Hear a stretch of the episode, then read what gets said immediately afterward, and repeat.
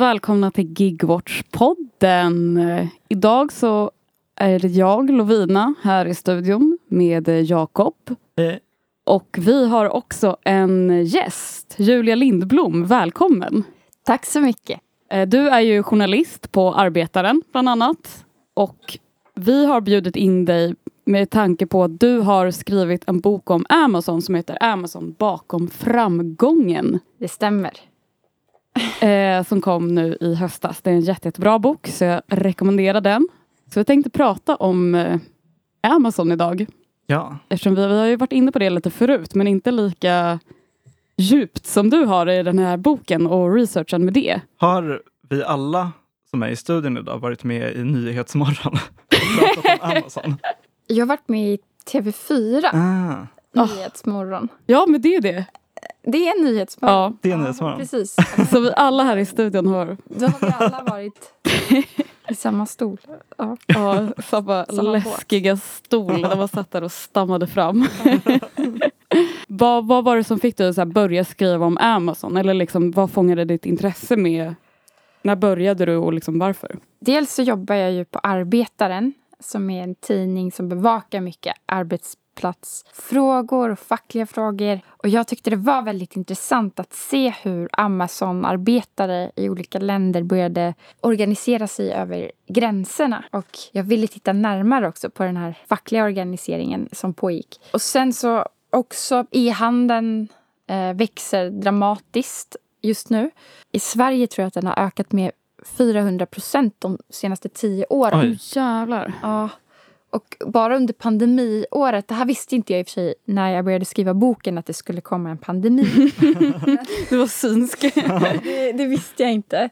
Men det gjorde liksom det här äh, ännu mer angeläget också. När den väl kom så blev det ännu mer tydligt också vilka effekter e-handeln har på arbetsmarknaden. Och det är så mycket arbete som osynliggjorts och arbetsvillkor som osynliggjorts. Och det här konsumtionsskiftet som vi ser också, vad, vad det innebär för människor på golvet. Så det tyckte jag var viktigt att belysa. Och sen ehm, ja, men så var ju också Amazon i ropet i Sverige. Så att det var ju en etablering på gång. Mm. Då tyckte jag också att det var angeläget att skriva om Amazon inför den här etableringen. Men också visa på ett internationellt perspektiv. För att förstå vad som händer på svensk arbetsmarknad när Amazon etablerar sig så måste man titta på hur de verkar globalt. Och sen också såklart att, att jag tyckte det var jätteintressant att undersöka Amazon som techföretag och eh, det monopol Amazon har i människors vardag och också på politisk nivå. Just det. Och det är väl också lite anledningen till att vi har intresserat oss för Amazon, även om vi brukar prata om de här gigföretagen vanligtvis. Liksom. Men det finns ju många likheter mellan Amazon och dem. Ja, precis. Alltså de här techjättarna liksom som förändrar villkor globalt hur mycket som helst. Men Amazon är ju liksom, ja det är ju liksom ingen sån ny gigplattform utan det är ju en hemsk jätte. Men eh, jag tänker att vi ska återkomma lite till just den här eh, stora perspektivet. Det var väl överlag en ganska skrämmande läsning i de kapitlerna. Men om vi börjar med just den här Sverige-etableringen. Varför tror du att de etablerade sig i Sverige nu och typ varför just i Eskilstuna? Alltså varför just i Eskilstuna är ju för att Eskilstuna har ett väldigt bra läge. Och sen har ju Eskilstuna, Amazon har ju funnits i Sverige i flera år genom att de har sina serverhallar i Eskilstuna redan genom AVS som är Amazons företag för molntjänster. Så de, de har redan funnits i Sverige också sen tidigare. Så att, men det är först nu de öppnar upp ett lager. Eh, Jag måste också inflika för lyssnare som inte vet det så drivs det här inte av Amazon direkt utan de har en underentreprenör som är ett schweiziskt företag som heter Kuhne Nagel. Det är helt enkelt en underentreprenör än så länge här i Sverige. Amazon brukar alltid prata om att de har långsiktiga perspektiv. Så att även om det just nu inte går så bra för Amazon i Sverige så trycker de alltid på att de har långsiktiga perspektiv med vad de gör och hur de verkar och så. Åh, det känns så läskigt, tycker jag.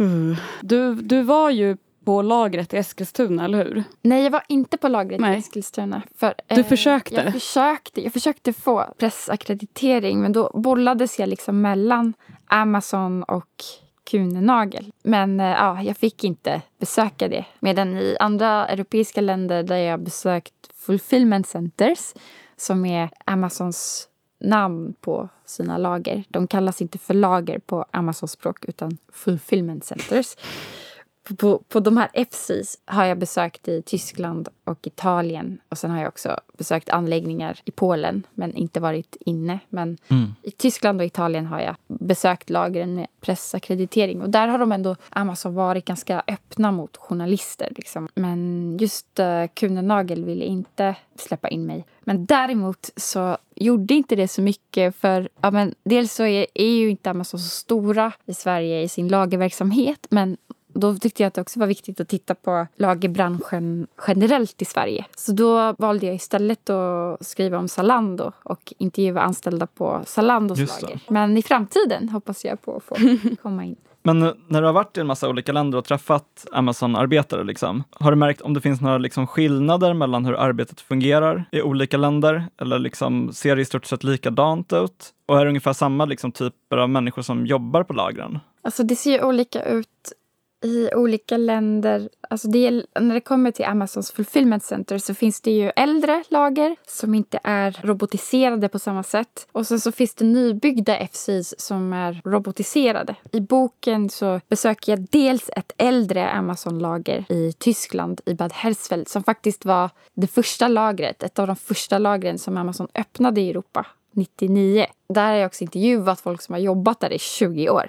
Oj, jäklar. Ja, men sen eh, i Italien, det lagret öppnade 2017 och det, det är ett robotiserat nybyggt lager. Och det funkar också lite annorlunda i och med att det är robotar som anställda arbetar med på ett annat sätt. Men när det kommer till företagskulturen eh, och när det kommer liksom till generella problem med osäkra anställningar eller liksom övervakning och så. Alltså ser, ser inte, är inte så stor skillnad. Amazons anläggningar skiljer sig inte så, sig så mycket åt beroende på vilket land du är i. Däremot kan de vara nybyggda eller äldre eller ja, funka på olika sätt. Hur är det att jobba på ett Amazon-lager då? Ja, eh, det är ju någonting som min bok fokuserar på. Att lyfta fram de här rösterna. Oftast när, när, folk hör om Amazon så är det den här äh, berättelsen om Jeff Bezos och alla vet vem Jeff Bezos är. Också kanske att anställda framställs som offer eller liksom, men det pågår också väldigt mycket facklig organisering och så. Det har jag velat lyfta, de berättelserna. Och hur det är att jobba eh, så uppmanar jag alla att läsa boken. Instämmer. För det är egentligen eh, bäst att de intervjupersoner jag intervjuat svarar på. Eh, men eh, det jag hör är ju liksom att det är jättestressigt. Det är övervakning. Amazon för en antifacklig politik. Det är väldigt slitsamt fysiskt också. Många får arbetsskador till följd av det här monotona, repetitiva arbetet. Och många, många osäkra anställningar. Eller mm. Amazons strategi handlar också om att ha osäkra anställningar. Uh, under de senaste tio åren så är det ju ganska många av de här liksom nätjättarna som Amazon, Facebook, Microsoft som har etablerat sig i Sverige. Och det här är ju liksom några av världens högst värderade företag. Ändå så liksom har de svenska politikerna varit väldigt liksom undfallande mot de här företagen kan man väl säga. Du citerar till exempel ett mejl Eh, från några svenska politiker, eller några ministrar, som avslutades med orden “Vi är redo för business och står till er tjänst”. Samtidigt så skapar de här företagen liksom få arbetstillfällen. Jag tror du nämner i boken också att eh, det var något datacenter liksom som kanske hade skapat typ 50 arbetsplatser, och sånt, kanske ännu mindre. Och de betalar också väldigt lite skatt. De betalar till exempel knappt en skatt för liksom den här elen som de använder. Så varför vill politikerna egentligen ha hit de här företagen om de varken betalar skatt eller ger arbetstillfällen? När jag intervjuar politiker så eh, säger de att Sverige liksom är ett eh, innovationsland, ett techland. Många tycker också att det är viktigt att svenska techföretag behåller sina huvudkontor i Sverige och att man vill behålla den här eh, spetskompetensen. Så har eh, politiker argumenterat. Vissa säger också att eh, Amazon eh, kan locka till sig andra företag. Att man ser det som en långsiktig investering. Och att, eh, att de ändå genererar inkomstskatt i mm. form av arbetstillfällen. Så det är några av de argument jag får höra från politiker när jag intervjuar dem. Men man känner ju direkt liksom, alltså, re, alltså om det liksom är nu att de så pratar om någon slags så inkomstskatt för arbetstillfällen och så är det liksom typ en person som går och sätter på servrarna och en till som kanske städar lite och sen, ja jag vet inte riktigt vad, alltså i de här webbhallarna liksom. De riktigt högavlönade på företagen kanske inte befinner sig i Sverige. Det är också intressant med de här serverhallarna, eller vi skrev, jag skrev nu för Arbetaren om Microsoft serverhall. Men där hade till exempel eh, nyligen hade skyddsombuden velat inspektera arbetsmiljön men inte fått göra det om de inte skrev på ett amerikanskt sekretessavtal. Mm. Eh, det går väl ändå emot så allt som har med så svenska modellen och fack ja, så då, att göra. Så då, då liksom, eh, ja, det slutade med att de sa upp sig som skyddsombud liksom, för att de inte mm. menade att de inte kunde utföra sitt arbete. Eh, och det här avtalet var på engelska och det stod också att ett avtalsbrott skulle kunna få långtgående konsekvenser. Liksom. Så då, var det, då, då sa skyddsombuden upp sina uppdrag i protest. Men det här är också intressant tycker jag. Eller det, det är ingen, kanske inte så många som uppmärksammat det, men också att de här eh, företagen har egna avtal, amerikanska sekretessavtal. Men som ändå typ gäller i Sverige? Ja, eller i det här fallet så blev de inte insläppta. Ja. ja. Ja, Shit, ett avtal är ju ett avtal liksom. Ja. Men eh, det känns ju som att så fort man liksom tar reda på lite fakta eller typ så här, hur det faktiskt ser ut i verkligheten så känns ju politikernas alltså, förhoppningar otroligt naiva. Typ. Att det känns som att de inte har kollat upp någonting. Att de bara liksom verkligen älskar amerikanska företag eller någonting. Att det är som att så här, jag vet någon, någon USA-besatthet som jag absolut inte delar. Just det, de tycker att det är coolt att folk utomlands vet att Sverige finns typ. I don't know. Vill sätta Sverige på kartan.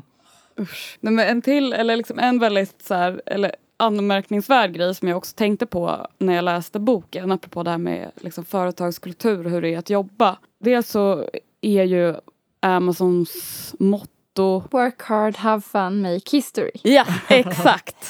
det är ju genomgående och eh, det är mycket så här, alltså spektakel skulle jag vilja kalla det. Att de har så här, ja nu ska alla anställda komma i pyjamas den här dagen för att typ visa solidaritet med folk som har cancer. Alltså för mig får det mig att tänka på typ en sekt. Eller, alltså det är väldigt mycket typ i boken. Dels liksom med den här eh, kulturen som företaget liksom ovanifrån försöker plantera men också liksom i hur de agerar som för mig liksom är som att de verkligen vill bygga upp en sekt. Men skulle du, eller liksom, vad tror du är, eh, alltså dels typ så här, vad, vad menar de med det här mottot typ och liksom vad, vad är deras strategi eller liksom var, varför håller de på sådär?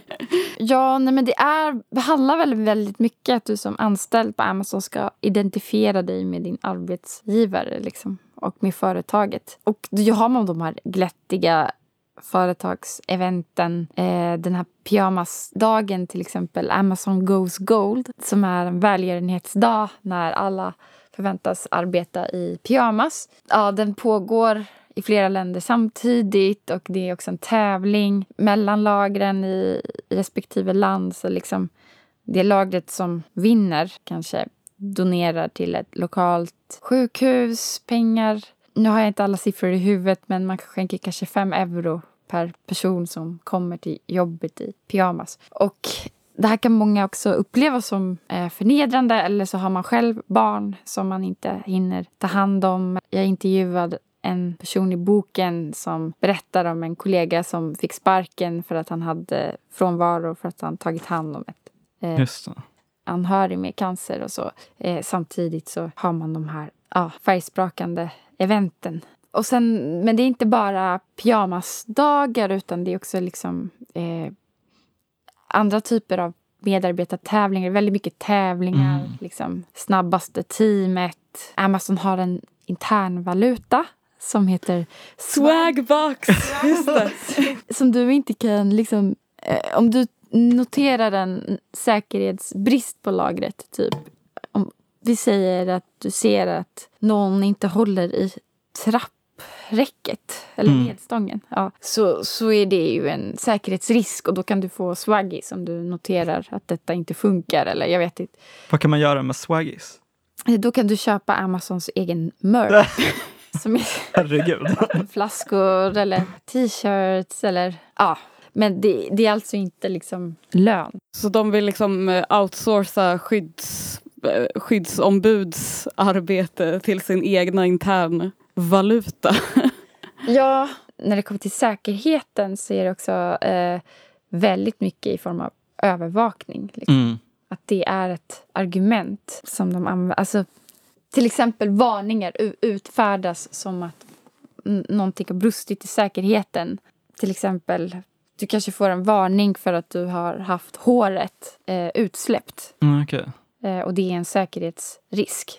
Och vad händer om man får för många Och om man varningar? får för många varningar så kan man bli avstängd från jobbet. Aha. eller ja, inställda pass. Eller, ja. Och någonting annat är under pandemin så installerade Amazon ett övervakningssystem på sina lager som heter Proxemics eh, som går ut på eh, videoövervakning för att anställda ska hålla rätt social distans. Alltså det är så bisarrt. Ja, och då samlar man också in väldigt mycket data och man övervakar men man gör det här liksom inom i, i säkerhetens namn eller vad man ska Mm. säga. Så att allting görs liksom i syfte att garantera säkerhet. Men samtidigt så, Som samtidigt eh, ökar övervakningen på arbetsplatserna. och det är väl också lite så här, som jag uppfattar av att läsa boken, liksom, så är det ganska stressigt tempo på lagren och eh, ganska liksom repetitivt. Man kanske blir lite trött i huvudet liksom. Så på något sätt är det liksom, det är väl de som skapar lite liksom situationen där folk utsätter sig själva för risker också. Och sen så liksom försöker de, då måste de öka säkerheten på andra sätt för att eh, kunna liksom lappa över det problemet de själva skapat. Men det är väldigt mycket motsägelsefullt eh, på det sättet. Typ, det kan vara skyltar som sitter uppsatta på lagen. Du får bara köra i 15 kilometer i timmen på parkeringen. Samtidigt som att det är otroligt många bilolyckor som inträffar på vägarna när anställda är på väg hem från skift Mm. och är utmattade eller på väg till skift och inte kan komma för sent för att Mm. då riskerar man en varning. Liksom. En till del är liksom eh, den här företagskulturen, eller som jag vill labla som så här, sektförsöken. Det är ju hela deras terminologi. Du inleder ju boken med liksom en liten ordlista över liksom Amazon-språk liksom, så att man ska hänga med.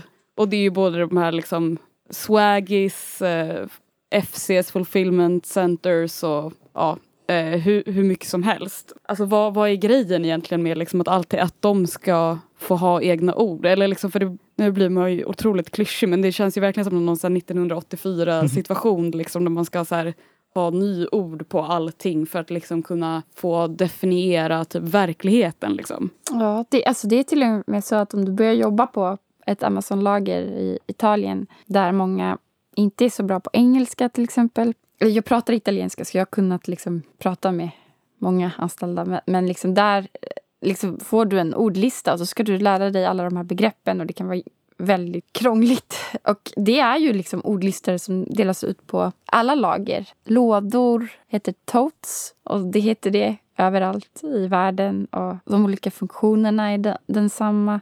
Ja, det finns, det finns verkligen ett Amazon-språk och också väldigt många såna här ordspråk och eh, jargonger och sådär. Eh, it's always day one. Eh, är någonting Bezos brukar säga. Det är alltid dag ett. Det ska alltid kännas som första dagen på ett startup-företag. Det vill säga att man stressar och har panik och vill dö.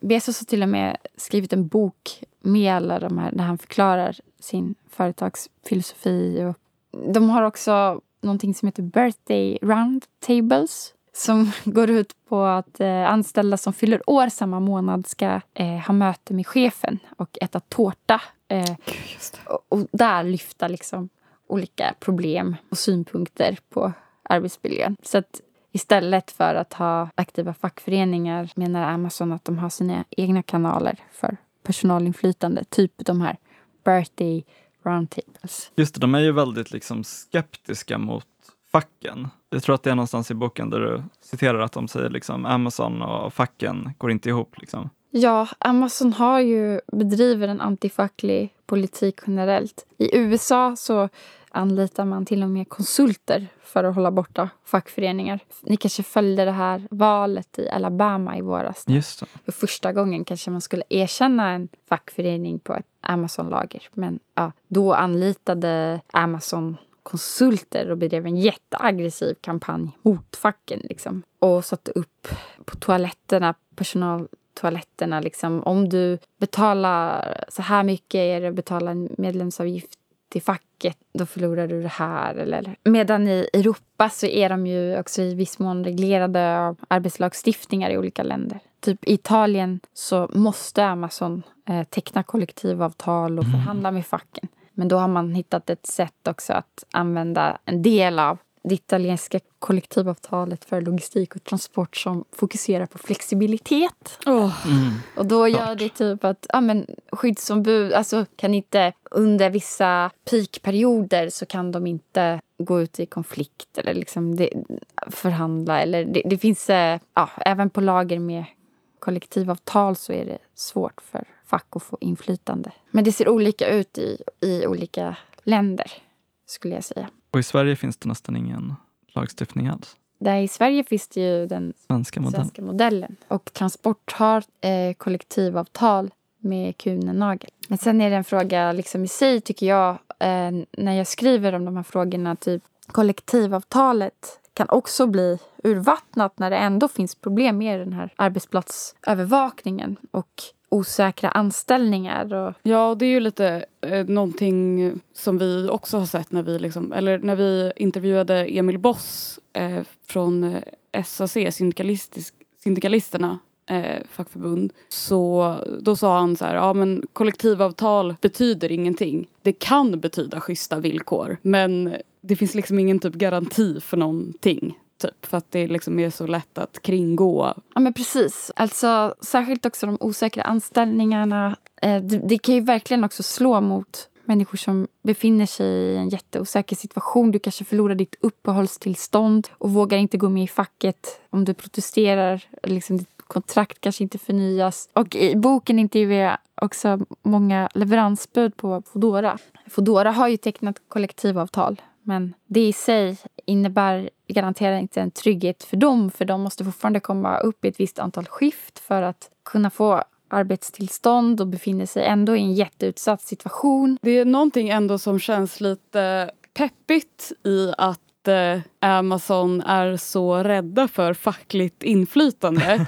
Och det är ju kanske att liksom facklig organisering faktiskt funkar. Alltså något som vi sett både inom organisering på olika gigföretag eh, är ju att det liksom sällan är typ de så här traditionella stora facken, liksom majoritetsfacken som driver igenom liksom förbättringar eller så för arbetarna utan att det startas mycket liksom gräsrotsinitiativ eh, eh, som ja, men, alltså växer sig större. Vi kanske liksom ser det lite som så här, ja, men typ att ja, men en, typ en ny arbetsmarknad kanske liksom kräver lite nya former av motstånd.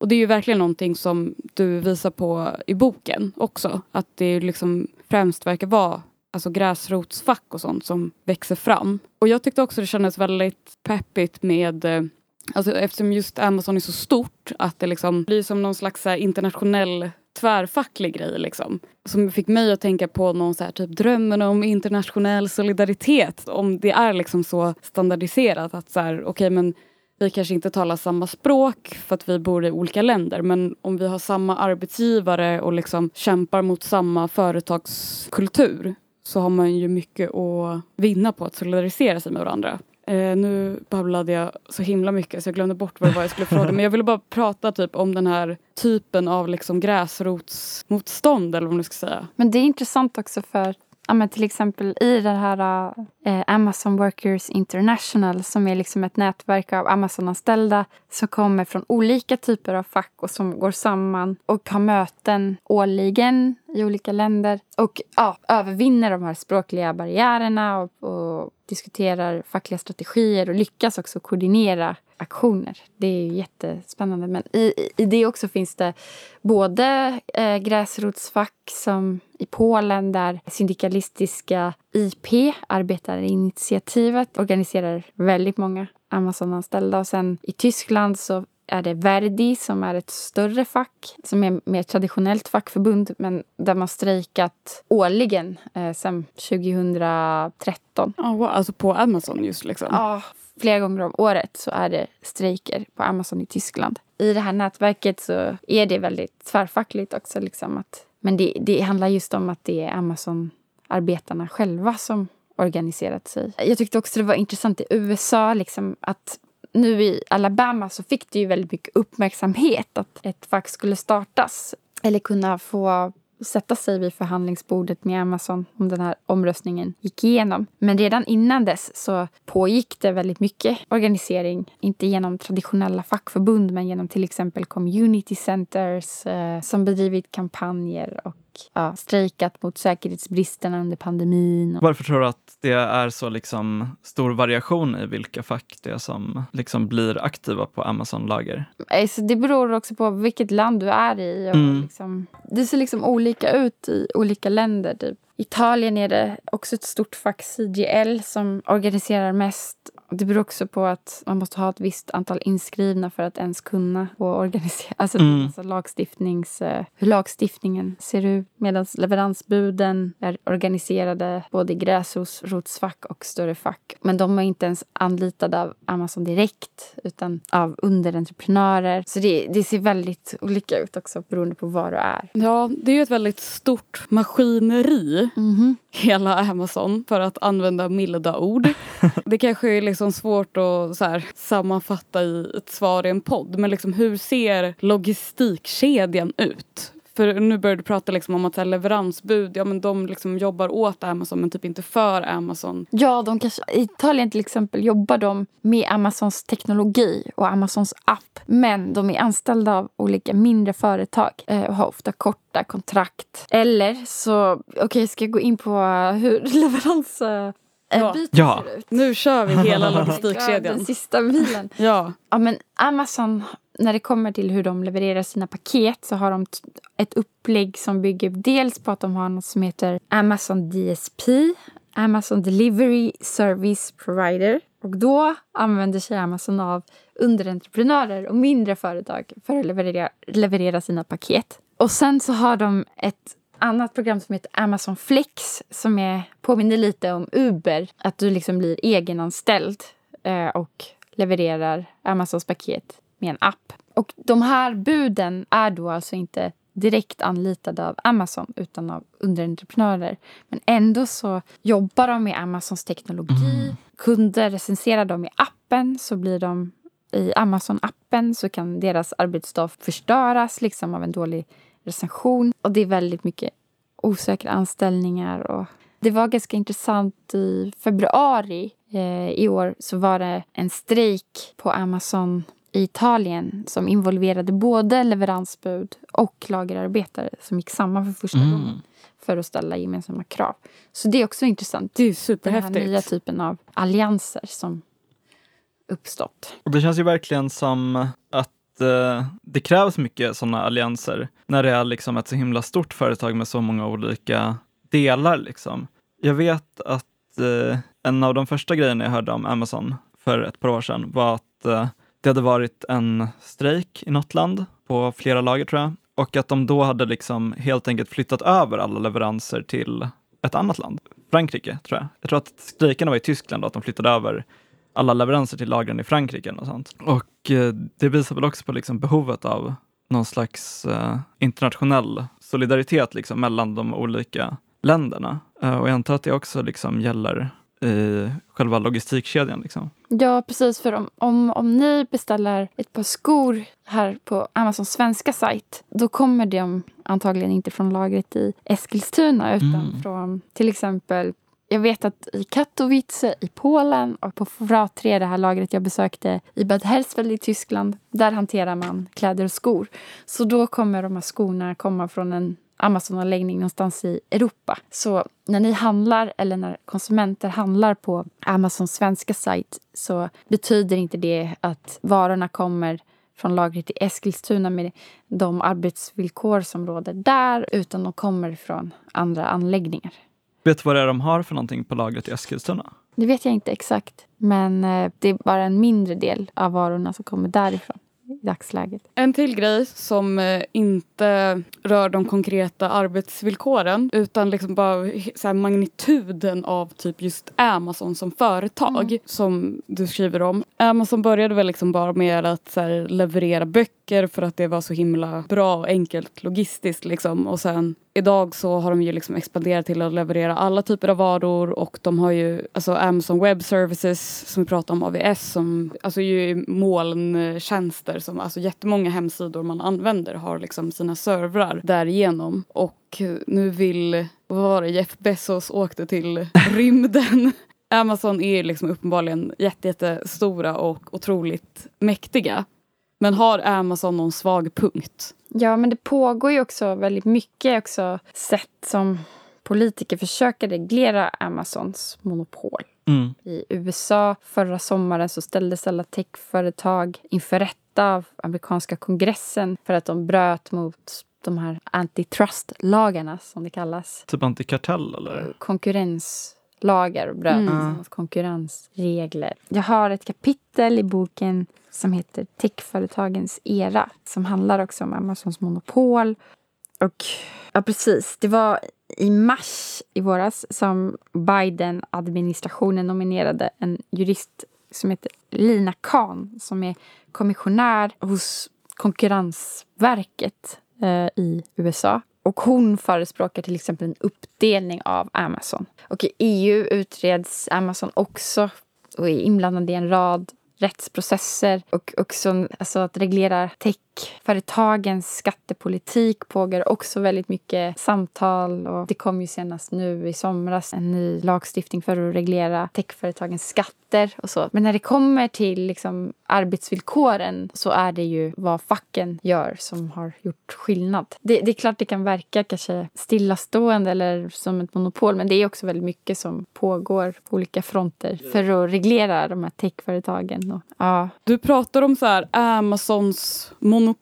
Vad, vad menar du med Amazons eh, monopol? Jo men det är ju så att Amazon äger en stor del av internets infrastruktur. Det kan låta abstrakt men det gör de bland annat genom sina molntjänster. Och det är så många företag som är beroende av Amazon. Till exempel Netflix eller Ticketmaster. Eller eh, ja, många stora företag är i sin tur beroende av, av Amazon. Och Amazon utvinner data både från användare som surfar på deras hemsida men också företag som verkar på plattformen. Så att de är det finns en sociolog som heter Stacy Mitchell som säger att Amazon vill inte äga marknaden, den vill vara marknaden. Mm. Så Amazon är marknadsplats och säljare på samma gång och fokuserar på insamling av data på olika sätt. Vad är det de har datan till sen? Ja, de eh, kan använda den också för att optimera sin försäljning på mm. olika sätt.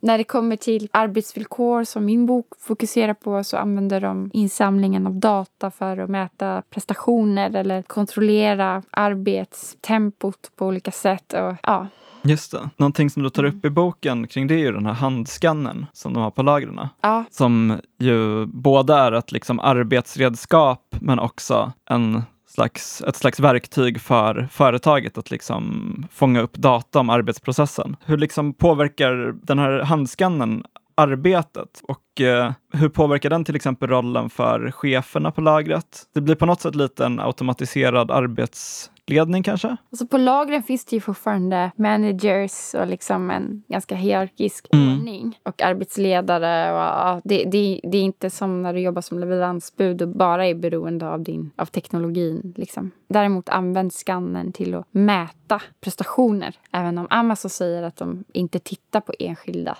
anställdas prestationer så är det när jag intervjuar intervjuer så får jag andra berättelser. Nu senast fick jag höra att i Polen så finns det något som heter time out of task. Alltså det här är inte bara i Polen utan det är på alla Amazons anläggningar med skannen. Eh, så finns det något som heter time out of task som är när du inte använder skannen. Och på Zalando så heter det no track time. Och när, när man har ett visst antal time out of task så samlas det här in och du kan få feedback eller en varning. Eller, ja. Och förut i Polen så räckte det om man ändå kom upp i målen och skannade ett visst antal varor. Men mm. nu börjar de också kolla på frekvensen, att skannen ska ständigt blippa. Eller vad man ja. Så anställda jag pratar med berättar att det här har förändrats, att man nu övervakar dem ännu hårdare med skannersystemet. Men, men jag skulle också säga det här med skannrar och den här typen av övervakningsteknologi att det, det, finns ju liksom i alla möjliga branscher. Jag menar även i, inom hemtjänsten idag mm. så vittnar hemtjänstpersonal om att de måste jobba med teknologi som också innebär en liknande stress. Liksom. Mm.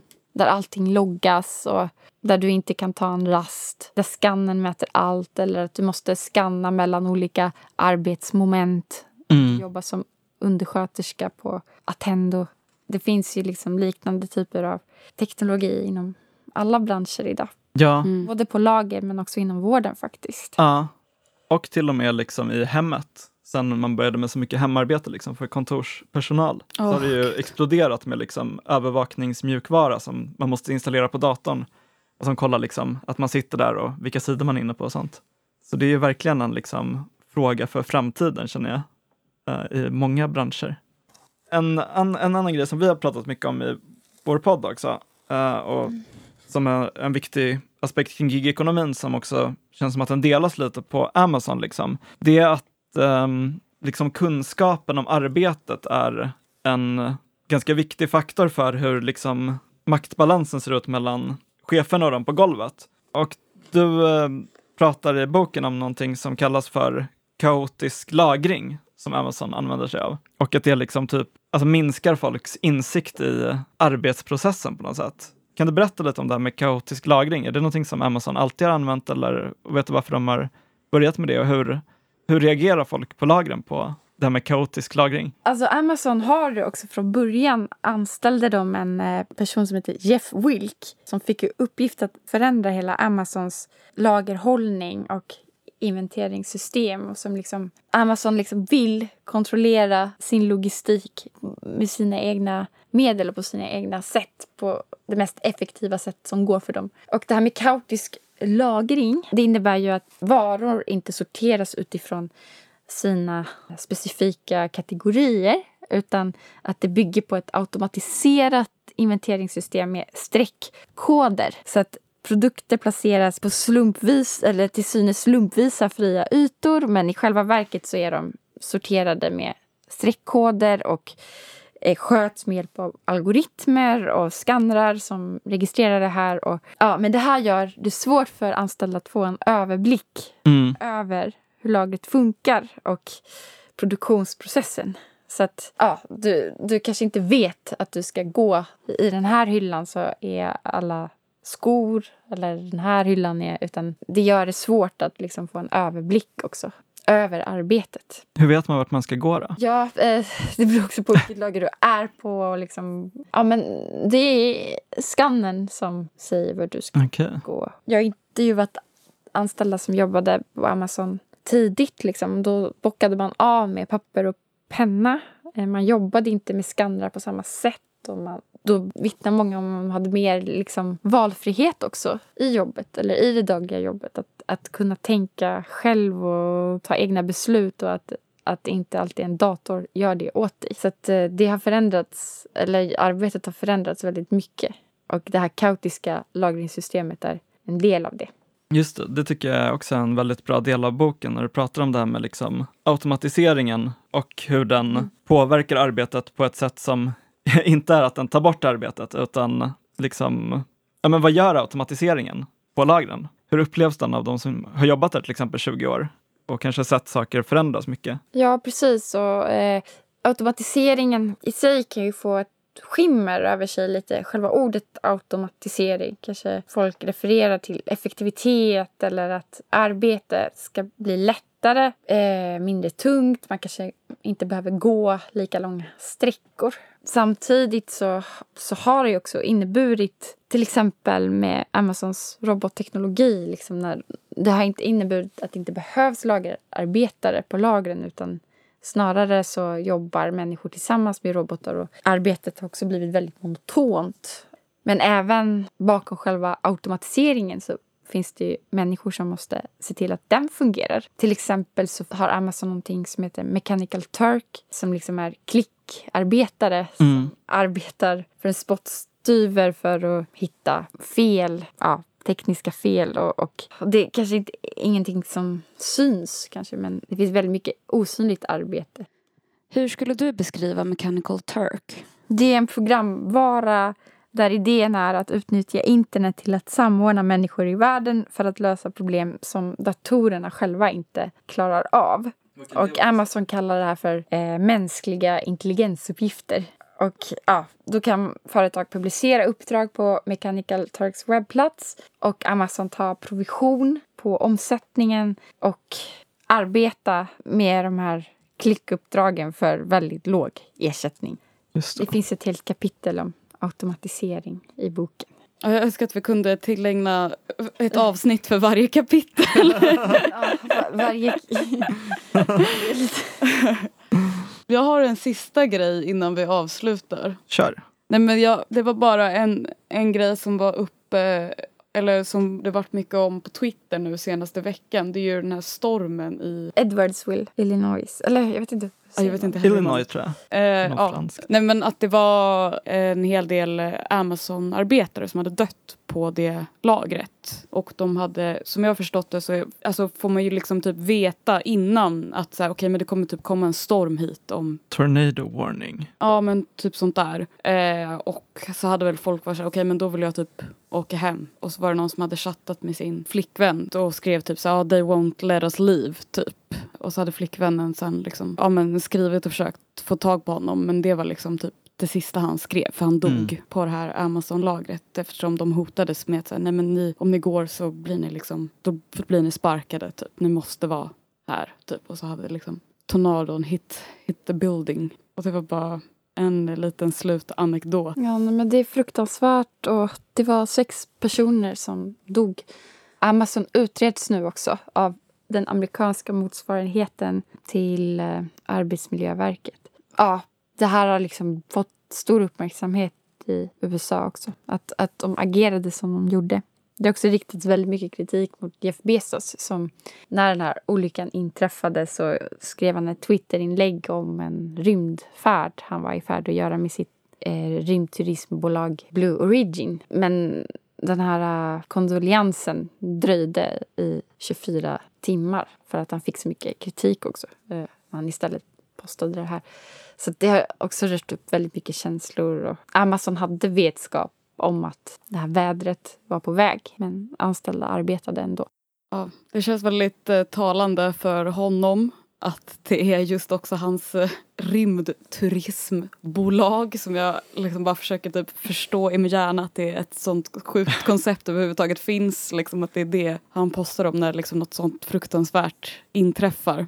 Men med det sagt så hoppas jag att folk blivit sugna på att läsa boken. Jag känner att jag vill läsa om boken och tänka ännu mer på alla spännande reportage. Och eh, ja, att vi får ha dig tillbaka någon gång och diskutera mer. För det känns som att det finns så mycket intressant att diskutera om allt. Och det är ju en utveckling som hela tiden pågår så det kommer ju säkert dyka upp jättemycket Ja, jag ska säga också att Arbetaren där jag arbetar till vardags. Eh, vi har väldigt mycket så på gång också som handlar just om att granska gigekonomi och hur den arbetsmarknaden förändras i Sverige och så. Så att, ja, eh, läs Arbetaren.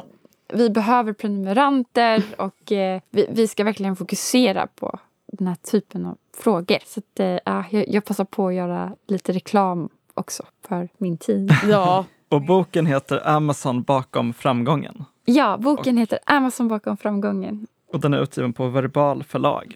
Och ja, är eh, 250 sidor lång ungefär. Mm. Så jättebra. Eh, läsning över julhelgen eller nu släpper vi kanske det här lite Ja. senare. Ehm, men eh, toppen bok. Verkligen. Och eh, om ni fortfarande har några pengar över efter att ni köpt boken och prenumererat på arbeten så får ni jättegärna stötta oss i Gigwatch på vår Patreon. Yes. Eh, Patreon.com snedstreck Gigwatch. Tack så jättemycket Julia för idag. Tack så mycket. Tack, tack.